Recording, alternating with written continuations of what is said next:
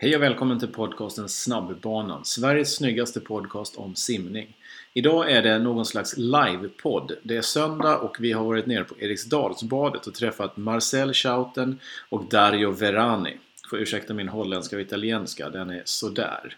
Eh, den är ungefär lika bra som deras engelska är om vi ska vara rent ärliga. I alla fall. Marcel och Dario delar med sig av vad de tyckte om Vansbrosimningen. Hur mycket måste man träna för att vara en världsklassimmare inom open water? Marcel är ju till exempel EM-mästare i öppet vattensimning. Bägge två, de reser runt hela världen och tävlar i världscuptävlingar på öppet vatten. Både 5K, 10K och 25K. Det blir lite svengelska där, sorry för det. Ljudkvaliteten är inspelad i Eriksdalsbadet när massa folk håller på och tränar så ni får höra riktigt simljud i bakgrunden. Hoppas att ni tycker att det är okej. Okay. Det kommer ett litet plingljud när jag byter den jag talar med så ni har lite koll på vem det är som svarar. Annars får ni hålla öronen öppna efter en holländsk engelska och en italiensk engelska. Enjoy! Here we are at Eriksdalsbadet, Stockholm, indoor and it's about 26 degrees in the water. Uh, what kind of difference is that compared to yesterday? Uh, just 10, uh, 10 degrees difference. So uh, yesterday it was like 16, uh, around 15 high, 16 low. So it was pretty cold. Yeah. Um, luckily we could start in a wetsuit, so that that made it better. Mm. Um, the race was pretty nice, pretty nice views, uh, good organization, and it was like, yeah, it was all good. It was nice to swim in Vansbro. And how is it to swim a 3K compared to a 5 or 10K?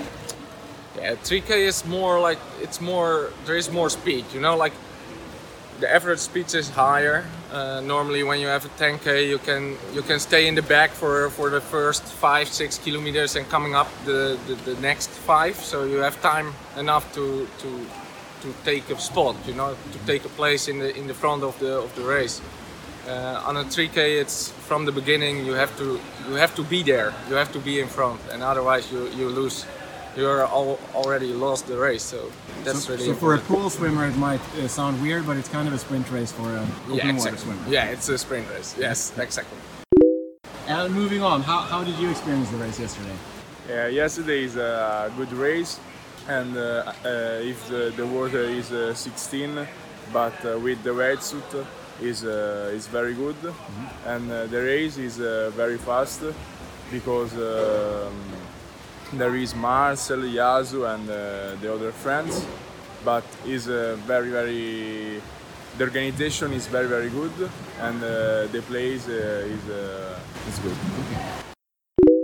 And uh, being from uh, from a western northwestern European country, how's open water temperatures where you swim? Uh, over there, Yeah. Oh, it's just like I don't compete in that many races in in Holland Okay. because uh, normally the season is from June till September in Holland, and uh, it's the same in in the international races. So I have to choose uh, one of them. Uh, so I always choosing for the for the bigger competitions outside of the country. So and are you purely specialized in open water, or do you do pool swimming as well? Mm, I did pool swimming as well, but I was not that good in it. So I made a choice, and since this year I only swim open water. Why do you think you were not so good? You hate the turns, or you just Yeah, turns are not that good. My stroke rate is way too low. Um, yeah, it, it doesn't work for me. And you do have a slower stroke rate compared to a lot of open water swimmers, right? Yeah, Yeah. exactly.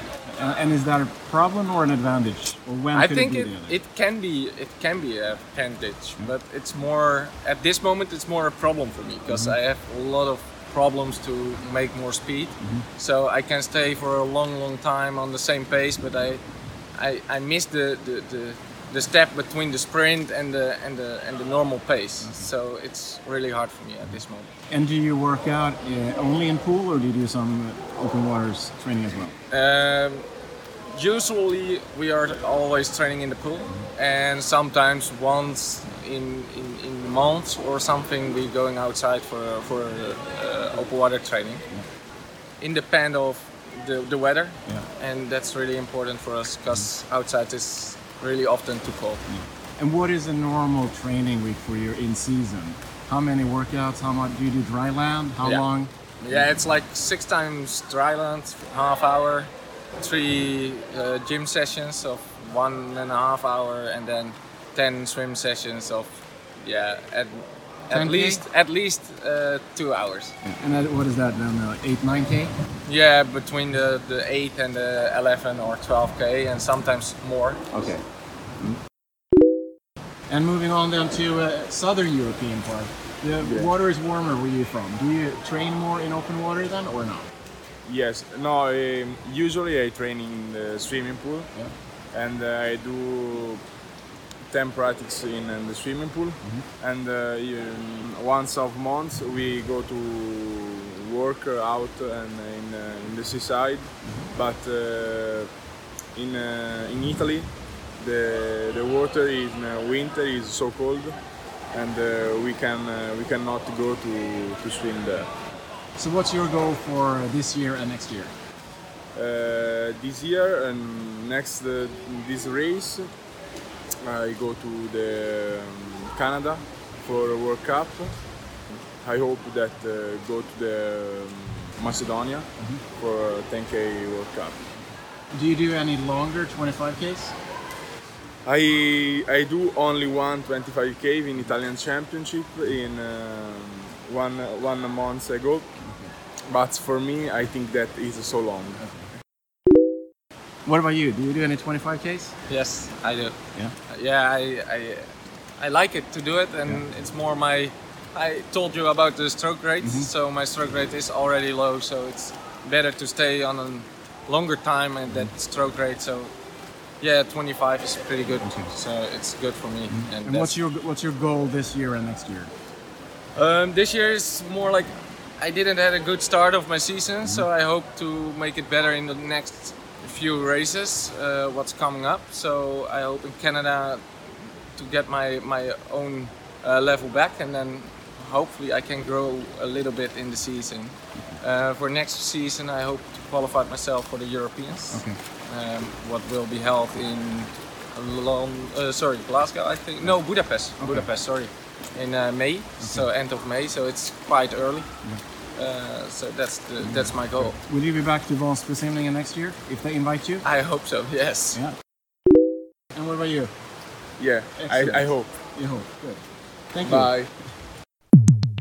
Då tackar vi Marcel och Dario för en trevlig pratstund. Lite brus från simningen i bakgrunden men det kan vi ha överseende med eftersom det är nyttigt att folk motionerar och idrottar, eller hur? Vill du ha de snyggaste, snabbaste och bästa prylarna för open water simning eller bassängsimning? Då ska du genast bege dig till tyrsverige.se Använd koden Friends of Ola för att få 15% rabatt.